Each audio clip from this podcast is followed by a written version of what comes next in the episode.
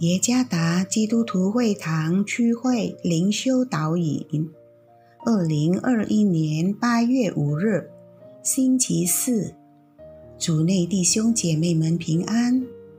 今天的灵修导引，我们要借着圣经《民数记》十一章第四到第五节来思想今天的主题。不要回顾过去。作者。红祖茂牧师，《民数记》十一章第四到第五节，他们中间的闲杂人大起贪欲的心，以色列人又哭嚎说：“谁给我们肉吃呢？我们记得在埃及的时候不花钱就吃鱼，也记得有黄瓜、西瓜。”韭菜、葱、蒜。我们记得在埃及的时候，不花钱就吃鱼、黄瓜、西瓜、韭菜、葱和蒜。这些话是一些外国人说的。在印尼语新译本圣经中，这个词被翻译为“闲杂人”。他们与以色列人一同走出。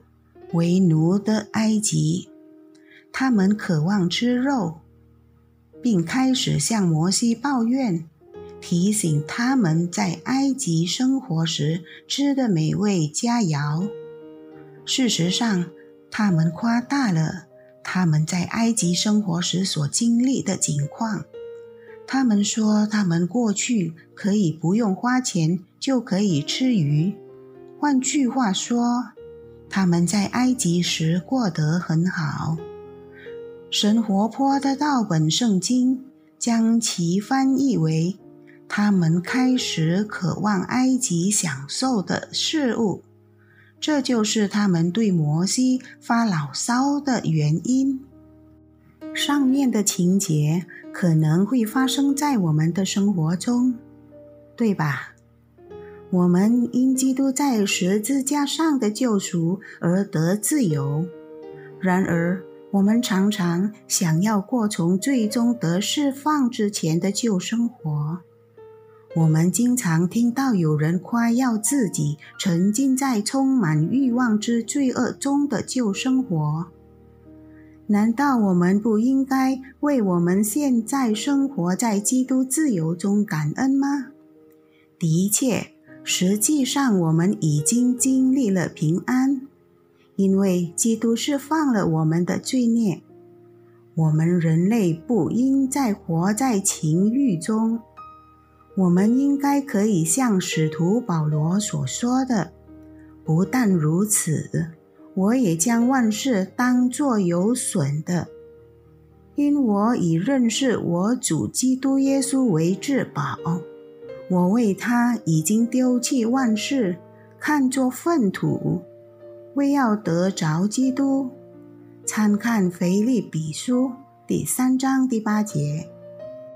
我们必须真正能够看到真实的现实，即生活在基督的自由中，比受罪奴役的生活要好得多。被释放的生命应该结出丰盛的救恩果子。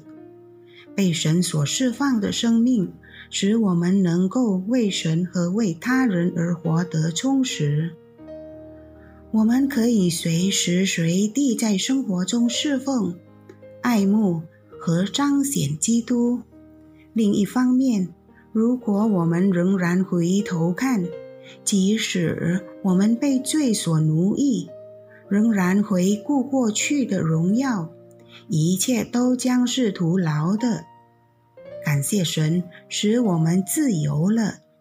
他让我们自由，好让我们可以侍奉和敬拜他。